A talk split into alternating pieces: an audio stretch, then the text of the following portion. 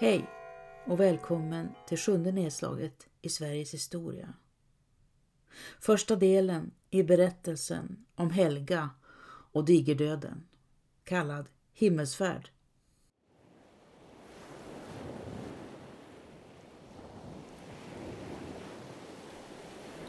Stora döden anländer till Norden ombord på ett Hansaskepp som lägger till i Bergens hamn hösten 1349.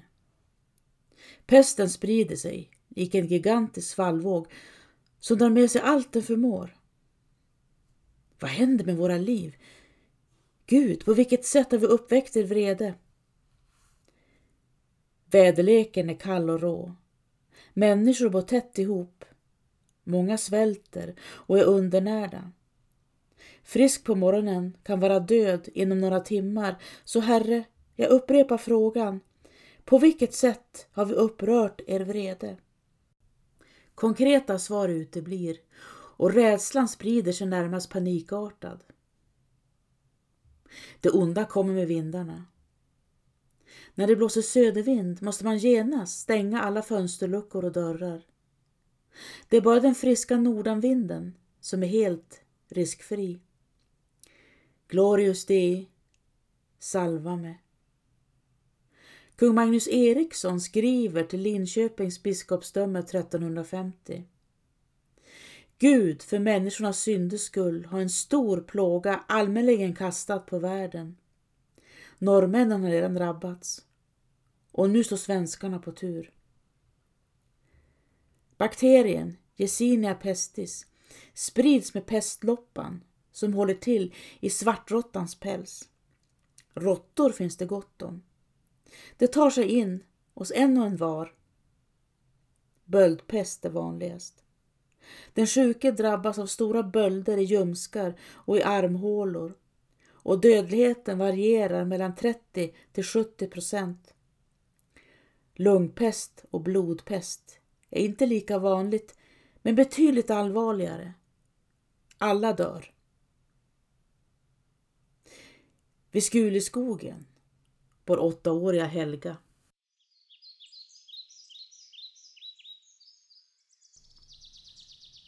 Hon sluter ögonen. En humla alldeles nära. En fågel mer på avstånd. Bakom ögonlocken är det ljust och rött. Ska hon våga öppna dem? Tänk om världen har förändrats sedan hon sist tittade på den. Tänk om världen förändras varje gång man öppnar ögonen och tittar på den. Bäst att blunda en stund till. Om hon kniper ihop ögonen och trycker fingrarna mot ögonlocken kommer stjärnorna.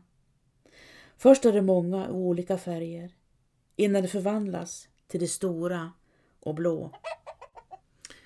Hönorna kacklar. Det går förbi alldeles framför henne, hör hon. Och Greta skriker in i huset. Ser hon tillbaka igen i tankegropen inbillar hon sig hönornas kackel. Och är det verkligen ljudet av hovar som närmar sig? En häst frustar. Hästen frustar. Deras häst. Helga slår upp ögonen utan att tänka sig för. Far! ropar hon. Far! Det är verkligen far som sitter på hästen. Erik och Anna står strax bakom henne. De studsar upp och ner och skriker Far! Far! Anna försvinner in i huset igen. Mor! Hör Helga Annas röst. Far är tillbaka! Far har varit på marknaden och väntades de är borta i en eller två dagar till. Han ser trött ut, blek och tärd. Men han lyfter benet lika högt som alltid när han stiger ner från hästryggen. Mor kommer rusande och kopplar armarna om hans hals. Helga lyssnar till mors lilla glada gurglande när hon försvinner in under fars kappa. Helga skäms. Armar som tar tag i armar. Läppar som möter läppar. Det är nog bara hennes far och mor som håller på så. Det ser man sällan hemma hos andra. Där pratar de mest om sysslor.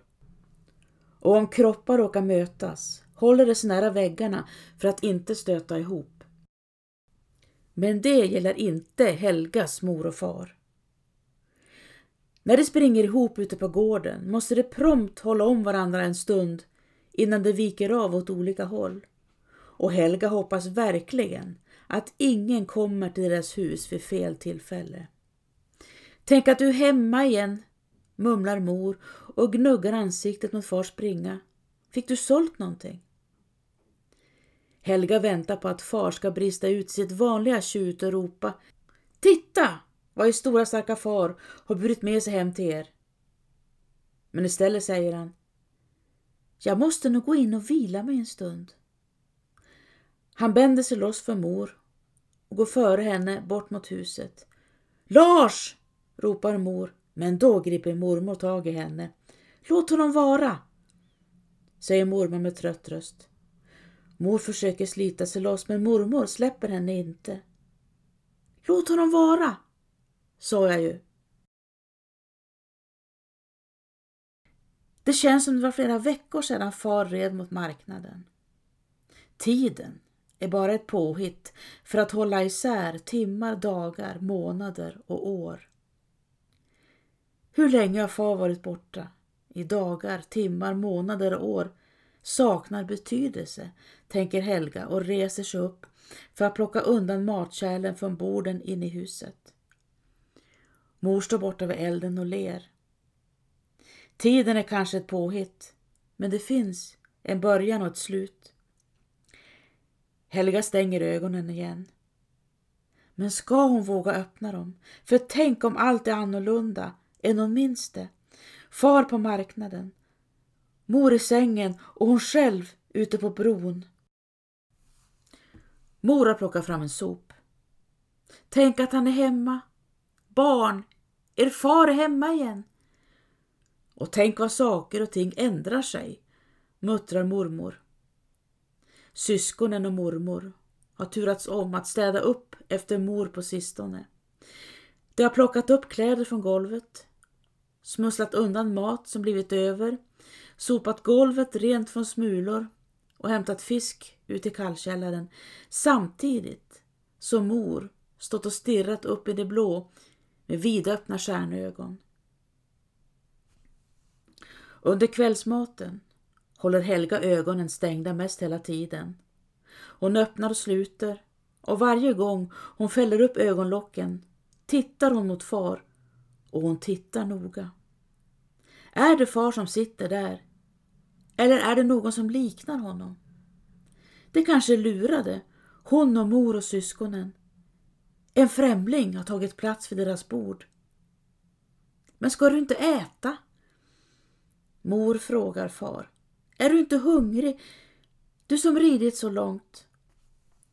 Far skjuter undan tallriken och reser sig upp. Sluta tjata, säger han. Det får bli senare. Jag måste sova nu. Mor blossar på sin kant. Någon ser ut att ha mosat in ett tråg med sura lingon i hennes ansikte. Så var det med den saken, säger hon med blöt röst och börjar plocka undan från bordet så det slamrar och skvätter. Han bryr sig inte om mig längre. Han håller inte av mig, snyftar hon. Katarina! Det finns barn här, säger mormor vast. Mor vänder sig om och stirrar på henne. Ja, barnen är där de är, det vet jag väl. Men ser du inte att han är sjuk? Fortsätter mormor och sänker rösten. Han kunde knappt sitta upp vid maten. Nej, han bryr sig inte om mig, snyftar mor. Hon rusar bort till sängen och griper tag i fars axel. Håller du inte om mig? snyftar hon. Far andas tungt. Katarina! ropar mormor. Katarina, vad gör du? Låt din make sova nu. Ute är det fortfarande ljust. Tiden är speciellt svår att förstå sig på under somrarna när solen knappt ger några ledtrådar alls. Helga sneglar mot fars tallrik. Den står fortfarande kvar framför henne. Fisken ligger orörd och ölen skummar. Far har rullat över på rygg i sängen, ser hon. Hans mun är öppen och han drar långa snarkningar genom näsan. Helga känner också av tröttheten. Den smittar av sig, vet man ju. Så låt oss sova, tänker hon. Vi mötas åter imorgon. Hon kniper ihop ögonen. Kanske kan man förvandla dag till morgondag, trots allt. Om man vill och försöker tillräckligt enträget borde det kanske gå. Det händer att mor och mormor blir lite osams. När du var liten, sa mormor sist, då gick det minsann att tala med dig. Helga håller inte med. Mor är den enda som inte skrattar åt henne när de blundar och knappt vågar öppna ögonen igen, för tänk om världen inte finns kvar. Dumheter, flicka, fräser mormor. Du är inte klok, snorunge, skrattar syskonen. Far bara skakar på huvudet.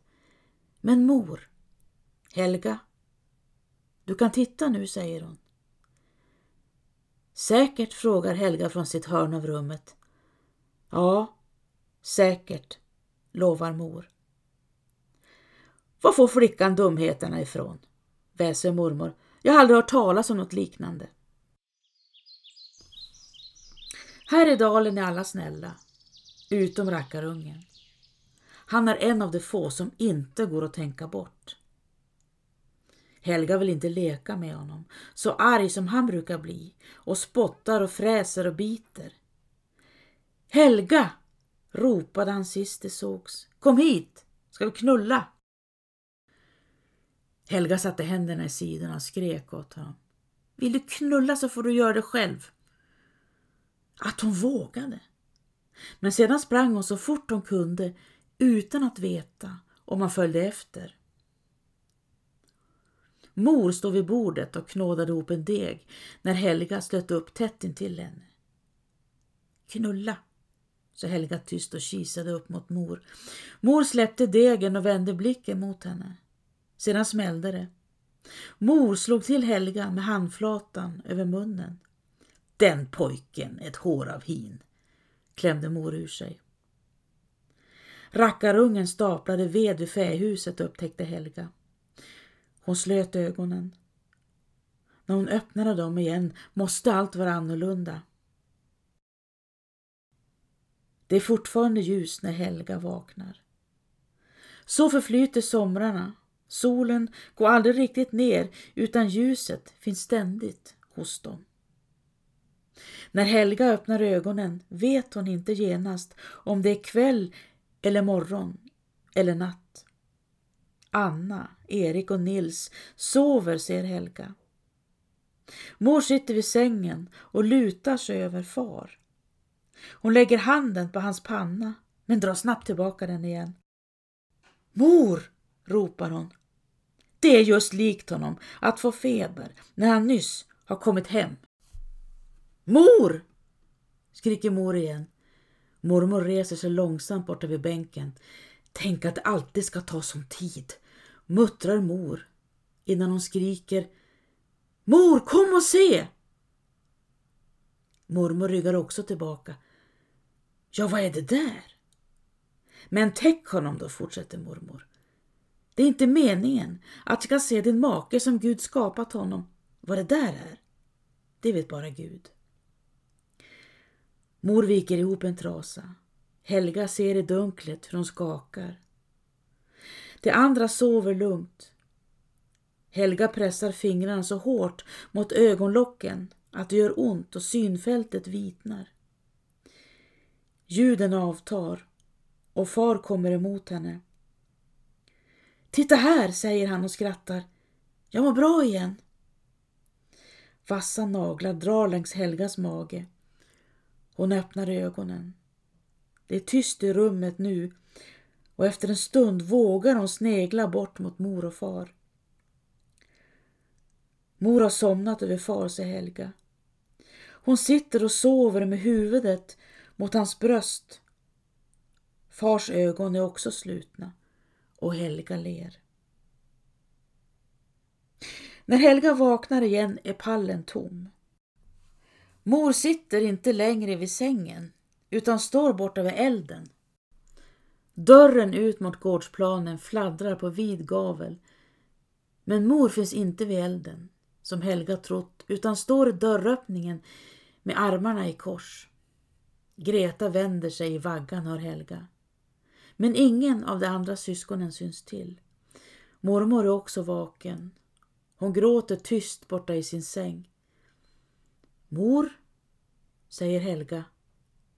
Far är död, svarar mor kort.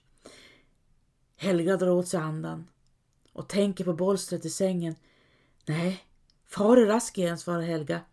Han har stigit upp och gått ut.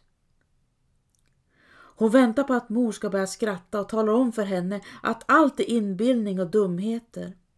Far ute hos kreaturen. Helga stirrar på mor och väntar, men mor är lika vit som den nykalkade spishällen. Det är som självaste döden har nuddat för henne också. Säg att det inte är sant, skriker Helga. Säg det mor! Hur kunde det hända?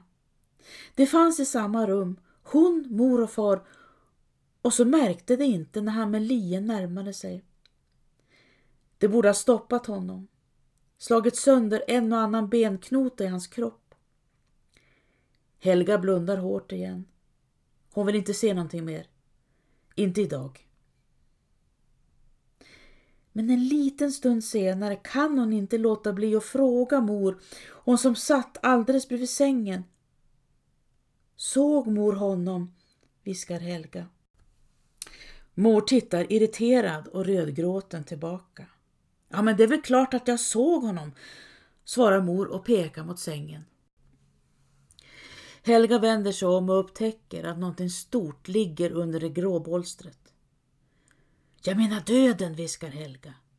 Såg mor honom? Finns han? Det fladdrar till inne i mors ljusa ögon. Häda inte flicka. Jag kände Guds hand när han bände loss din far från livet. ”Att han lie? undrar Helga. Häda inte, sa jag ju. Helga sitter utanför huset igen och kisar upp mot molnen. Himlen är mörk och skiftar mot blågrå. Fars himmelsfärd förmörkas av dåligt väder. Molnen verkar regnstinna och värsta fall bör det regna på honom. Fast det är klart att Helga tänker i jordiska banor. Efteråt en helt annan sak. Mormor går över golvet. Hon passerar dörröppningen men kommer inte ut till Helga utan fortsätter bort till mor. Ska du verkligen ligga där, säger mormor. Tänk om det otäcka finns kvar i sängen och hoppar på dig. Vi måste bränna bolstret och vädra ut. Helga får syn på rackarungen. Han kommer springande över gården och Helga reser sig upp. Nej, nej, tänker hon. Inte nu. Men i samma stund vänder han om. Greta har vaknat in i huset. Hon gråter ihållande. Ingen verkar bry sig om henne förrän Anna lyfter upp henne och kommer ut på bron. Greta hänger över hennes arm och snyftar tyst. Molnen mörknar snabbt och Helga pekar. Idag är det en dålig dag för himmelsfärd, säger hon och tittar på Anna. Far måste färdas i oväder. Anna spärrar upp ögonen samtidigt som hon vaggar Greta. Vad menar du? frågar hon. Himmelsfärd? Helga ångrar sig. Hon borde inte ha sagt någonting. Inte till Anna, som är så tråkig och aldrig kommer ihåg några sagor. Vad menar du? frågar Anna. Ja, men titta på himlen, fortsätter Helga motvilligt. Det är ju dåligt väder, snart blåser det upp också. Det regnar ju på far. Annas ansikte bleknar. Tror du att far bryr sig om vädret när han är död, säger hon. Helga, tror du det? Då kommer gråten, både för Helga och för Anna. Greta tittar på dem med uppspärrade nyvakna ögon och börjar snyfta hon också. Helga tänker sig far vadande genom ett kallt och blött moln. Även nu tar hans kropp stryk. Det är långt till ängen där de vitklädda håller till. Gode Gud, släpp in far, ber Helga tyst. Han har väl ljugit några gånger och druckit brännvin då och då, men släpp in honom. Om inte annat så gör det för mig. Jag är Helga, hans dotter. Annas röst har mjuknat när de fortsätter. Helga, inte bryr sig far om vädret. Och vet du varför? Vår Herre tillåter inte att det regnar på hans änglar. Säkert? frågar Helga. Ja, alldeles säkert.